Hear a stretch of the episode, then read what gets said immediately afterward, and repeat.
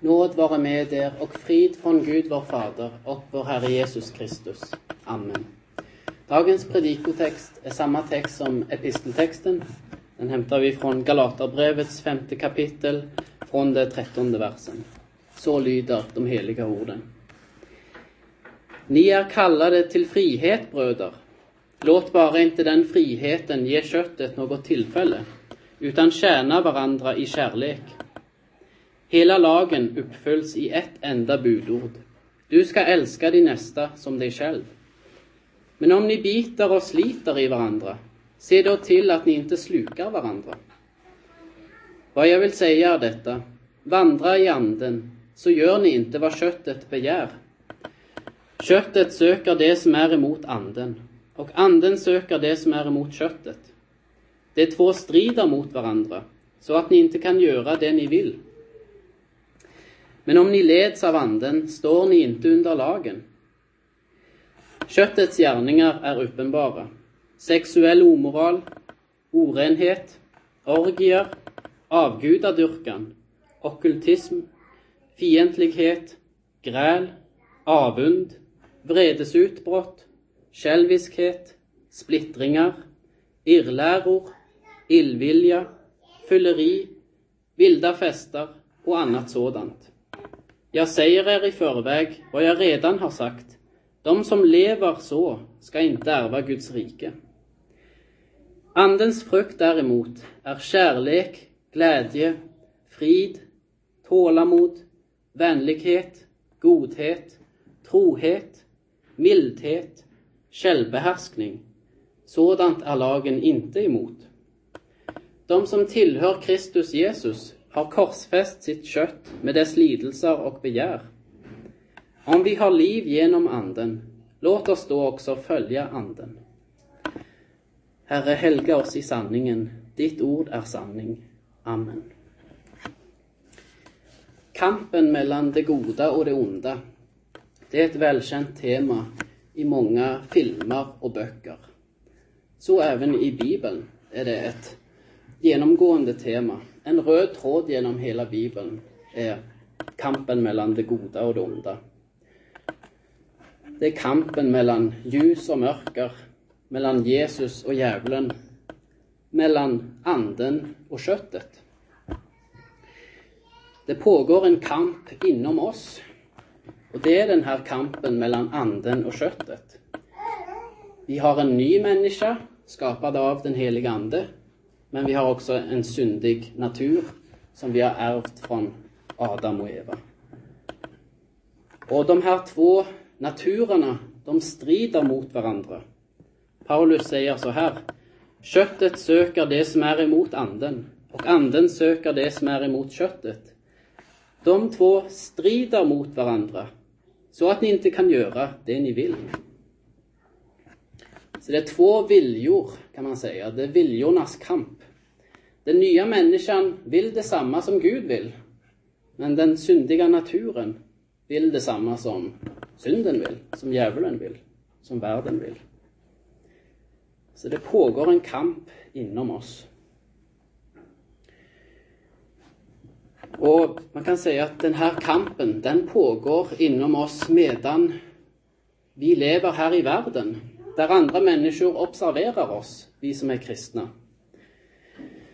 Många kommer aldrig att läsa Bibeln, men de kommer att läsa oss. De kommer att observera hur vi lever. Och då, då inser vi att vi, vi faller ju ofta i synd för att den syndiga naturen får ett övertag. När vi läser i den här listan som Paulus kommer med, köttets gärningar, då kan vi tänka, gäller den här listan verkligen mig? Han börjar så här. Köttets gärningar är uppenbara. Sexuell omoral, orenhet, orgier, avgudadyrkan, ockultism, fientlighet. Så läser vi vidare, men vi tänker, då tänker vi kanske, nej men jag håller inte på med sånt där Gud. Jag håller inte på med sånt, så den här listan kan väl inte gälla mig. Jag är en bra människa. Den där listan gäller riktigt grova syndare. Ja, listan innehåller grova synder. Men den innehåller även lite vanligare synder som gäller de flesta människor. Till exempel gräl, avund, vredesutbrott, själviskhet. Har du någonsin grälat? Har du någonsin varit avundsjuk?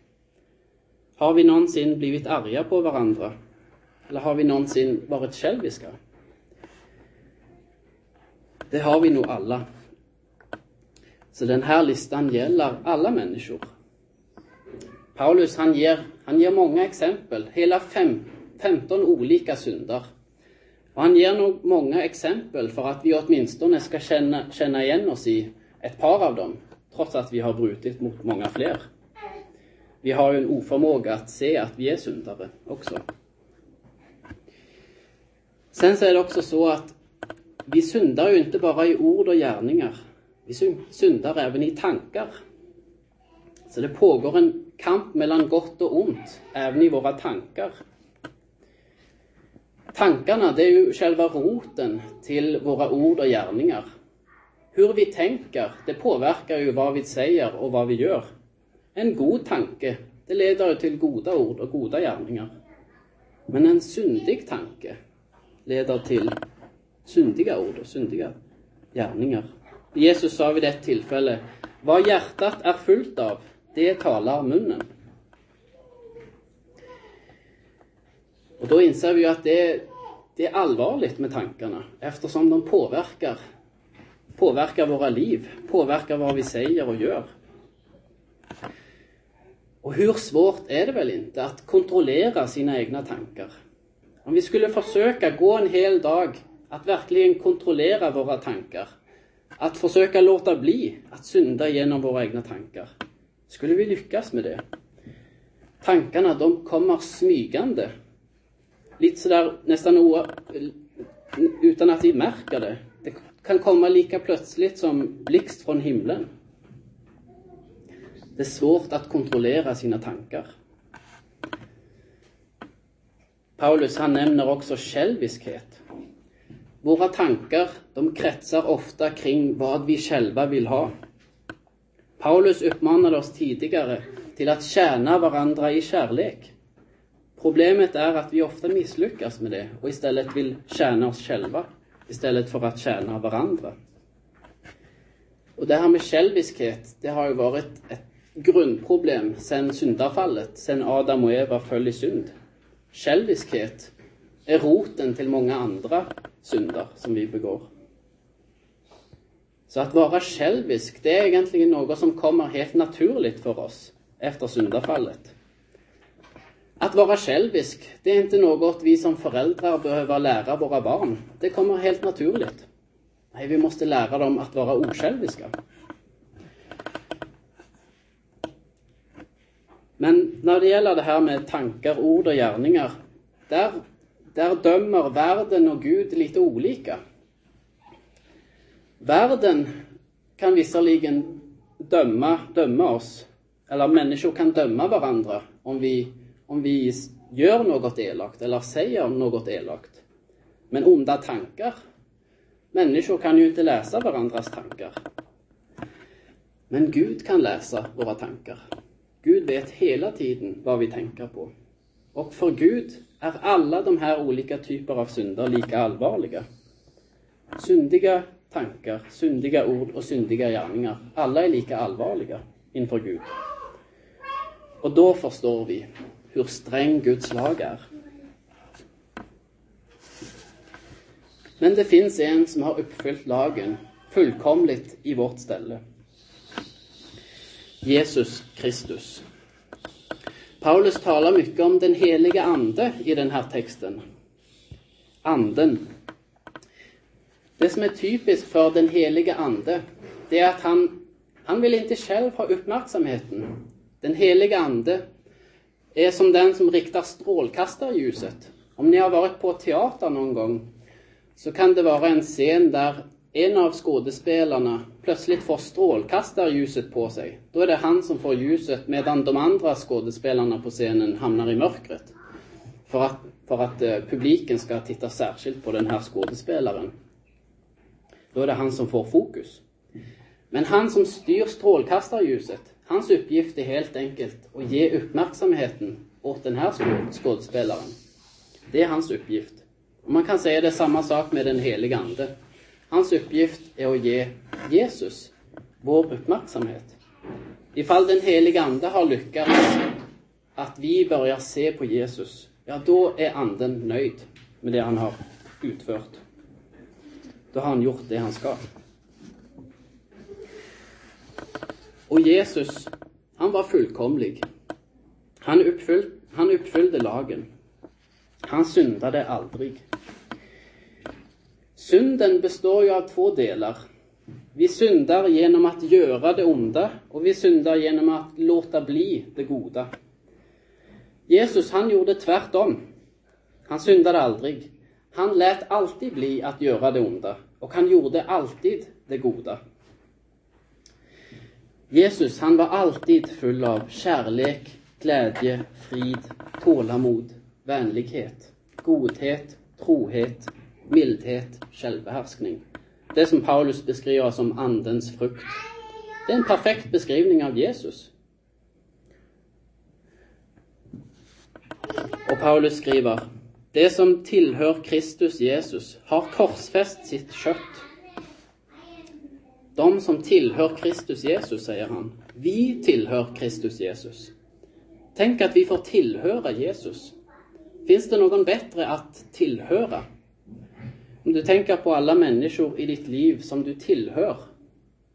Ja, vi får tillhöra många fina människor. Människor som vi kan lita på. Våra nära och kära. Men ändå så kan vi inte hundra procent lita på att inte ens våra nära, att ens våra nära aldrig kommer att göra oss besvikna. Förr eller senare så kommer alla människor att göra oss besvikna på något sätt. För vi är alla syndare. Men Jesus, han kan vi lita hundra procent på. Han kommer, han, kan vi, han kommer aldrig att göra oss besvikna på något sätt. Tänk att vi får tillhöra en sån person som Jesus. Vi har korsfäst vårt kött med, det, med dess lidelser och begär, skriver Paulus. Tanken är att, eller sanningen är att vi har en delaktighet med Jesu lidande och död. Då Jesus led och dog, då led och dog även vi också. För Jesus är vår ställföreträdare. Vi har en delaktighet i hans verk och vi tillräknas hans verk. Och det här är en tröst, för när Jesu händer och fötter när de romerska soldaterna hamrade in spikarna i Jesu händer och fötter, då var det våra synder som de spikade fast där på korset. Det hände en gång för alla. Alla människors alla synder, genom alla tider, alla, alla de synderna spikades fast på korset där. Så både de synderna som du har begått och de som du kommer att begå spikades fast på korset. Det är en stor tröst att det var våra synder som spikades fast där. För vi kan ibland drabbas av stor ånger över synd. Vi kan till och med drabbas av ånger för saker som vi har gjort för länge, länge sedan. Plötsligt så kommer vi ihåg någonting som vi gjorde för jättelänge sedan. Synder som vi redan har ångrat och synder som redan är förlåtna. Djävulen påminner oss om dem. Han vill att vi ska förtvivla, ge oss ett dåligt samvete. Då är det en stor tröst att tänka på korset. Att våra synder spikades fast där på korset, en gång för alla. Så trots att vi ibland ser vår synd så tydligt, så ska vi komma ihåg att Gud inte längre ser vår synd. För våra synder är kastade i havets djup. Gud ser dem aldrig mer. Vi pratade om den heliga Ande. Han är den som riktar strålkastarljuset på Jesus. Han har en annan uppgift också. Man kan säga att han är hyresvärd inom varje kristen. Anden, han har flyttat in i dig. Bibeln lär att Den heliga ande bor inom var och en av oss som tror på Jesus. Han har flyttat in och han är hyresvärd. Det är han som bestämmer i oss. Och han har skapat en ny andlig natur inom oss. Vi har inte bara en syndig natur, vi har också en andlig natur. Och Paulus han talar om att vi ska vi ska bära frukt. Han talar om andens frukt. Vad är det som är typiskt för en, en frukt? En frukt måste ju komma från ett träd. Det regnar inte frukt från himlen, utan frukter måste komma från ett träd. Jesus sa vid ett tillfälle, Jag är vinstocken, ni är grenarna. Om någon förblir i mig och jag i honom, så bär han rik frukt. Utan mig kan ni ingenting göra. Så vi är grenar som ska bära frukt. Och vi är beroende av att stanna kvar i vinstocken, som är Jesus. Vi är beroende av att få ny, förnyad näring från evangeliet ständigt, för att vi ska kunna bära rik frukt. Och det är därför det är så viktigt att vi använder nådemedlen flitigt. Det påverkar även våra goda gärningar. Bibeln lär att det är kristna som gör goda gärningar. Det här, det här är något som man kan reagera på. För i världen så ser vi ju att även otroende människor kan göra goda saker och säga goda saker. Då reagerar man på den här läran i Bibeln att det är bara kristna som gör goda gärningar. Hur ska vi förklara det? Jo, men för Gud så spelar det roll vilken drivkraft man har. Han dömer inte bara den yttre gärningen eller det yttre ordet. Han dömer även våra motiv, varför vi vill göra någonting. Vilken drivkraft man har spelar stor roll för Gud. Drivkraft, precis som ett fordon behöver bränsle för att fortsätta köra, så behöver vi människor bränsle för att göra någonting gott. Men Gud bryr sig alltså om vilken den drivkraften är. Här i världen så kan vi ju, vi får lön när vi har arbetat. Eller om vi har gjort någonting jättebra så kan vi få beröm, vi kan få komplimanger från andra. Eller vi kan lära oss att skapa en positiv självkänsla inom oss. Även när vi inte får beröm så kan vi i alla fall ha den här positiva självkänslan. Men vad, vad händer då när de sakerna försvinner? Om vi skulle säga att det inte fanns någon, någon sådana här drivkrafter i världen, skulle människor fortsätta göra gott i så fall? Vad händer om chefen säger att nej, nu ska du få lönesänkning? Vi sänker din lön med 10% det här året och kommer förmodligen att göra det nästa år också. Skulle du tycka det var roligt att, att tjäna med glädje i ditt arbete? Eller om folk slutade ge dig beröm för det du gör?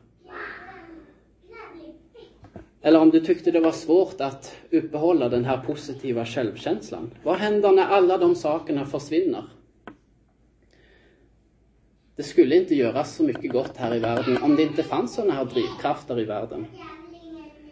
Men den kristne, vi kristna, vi har en unik drivkraft. Vi har evangeliet. Det är vår drivkraft. Det är en drivkraft som aldrig försvinner, för vi har ju alltid evangeliet. Den försvinner aldrig. Och det är en drivkraft vi kan lita på. När vi går till bensinstationen för att fylla på bensin i bilen, då räknar vi med att det alltid ska finnas bensin där. Precis så är det med Guds ord. Vi kan alltid räkna med den, att den finns där. Så Jesu verk, det är den rätta drivkraften till att göra gott. Och vi vill inte göra gott för att förtjäna något, för att bidra till vår frälsning. Det kan vi, det kan vi ju oavsett inte, för Jesu verk är ju fullbordat. Så vi kan inte lägga något till det. Och det vill vi inte heller göra, utan vi vill göra det av tacksamhet, som ett tackoffer. Paulus skrev till korintierna Kristi kärlek driver oss, för vi är övertygade om att en har dött för alla. Kristi kärlek driver oss. Vi pratade om att vi består av två delar. En syndig natur och en andlig natur. Men jag är ju ändå bara en, en person. Men jag består av två delar. Så var hittar jag då min identitet? Vilken av de här två naturerna definierar vem jag är? Är jag främst en syndare? Eller är jag främst en kristen? Vi kan söka svar i Bibeln. Johannes skriver i sitt första brev Se vilken kärlek Fadern har skänkt oss, att vi får kallas Guds barn. Och det är vi också. Och Paulus skriver tidigare i Galaterbrevet Jag har genom lagen dött bort från lagen för att leva för Gud. Jag är korsfäst med Kristus och nu lever inte längre jag, utan Kristus lever i mig. Där har vi vår identitet. Och det liv jag nu lever i min kropp, det lever jag i tron på Guds son som har älskat mig och utgett sig för mig. Så svaret är, vi hittar vår identitet i den nya andliga naturen. Vi är återlösta Guds barn. Anden har skrivit Jesu namn på våra hjärtan.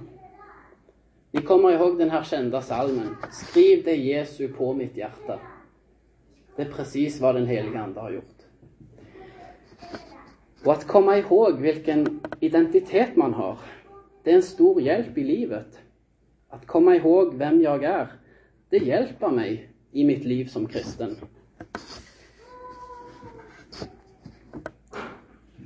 Men vi har båda naturerna. Båda naturerna stannar kvar. Och det är frustrerande. Det pågår en strid och den kommer att fortsätta pågå ända tills vi lämnar den här världen. Det är frustrerande. Och det är frustrerande att den här striden inte tycks bli enklare med tiden. Ja visst, vi kan växa i helgelse, men det, det fortsätter alltid att vara svårt att kämpa emot den syndiga naturen. Att kämpa emot att falla i frestelse. Och det är frustrerande, för det finns alltid något att förbättra. Det finns alltid något att städa bort. Om ni har provat att flyttstäda någon gång, flyttstäda en lägenhet, då vet ni hur mycket ansträngning det krävs för att verkligen städa och göra det rent. Man kan fortsätta och fortsätta och fortsätta. Precis så kan man säga att det kristna livet är.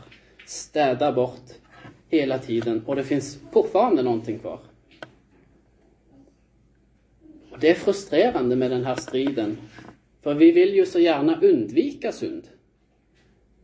Vi skulle ju önska att vi slapp det här. Tänk om vi bara kunde leva perfekta liv. Inte behöva inse varje kväll att nu har jag syndat igen. Det är frustrerande.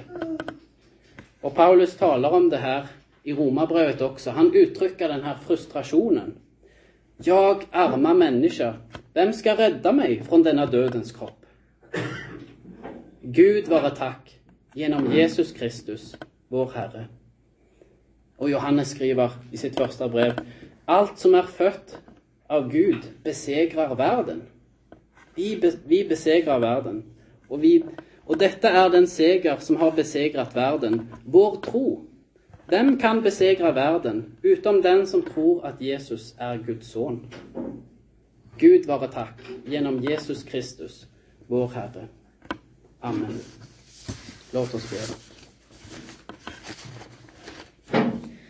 Käre Gud, tack för att du har sänt den heliga Ande in i våra hjärtan. Tack för att han är hyresvärden i våra hjärtan. Att det är han som bestämmer och att vi vet att vi kommer att segra. Trots att vi ofta faller i synd så vet vi att vi kommer att segra, för Kristus har gett oss segern. Hjälp oss att fortsätta kämpa den här striden mot den syndiga naturen inom oss. Hjälp oss att inte låta den syndiga naturen få regera. Låt oss ha nolltolerans för att den ska få inflytande i våra liv.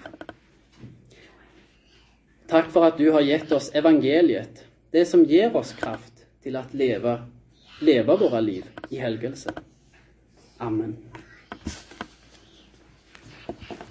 Thank you.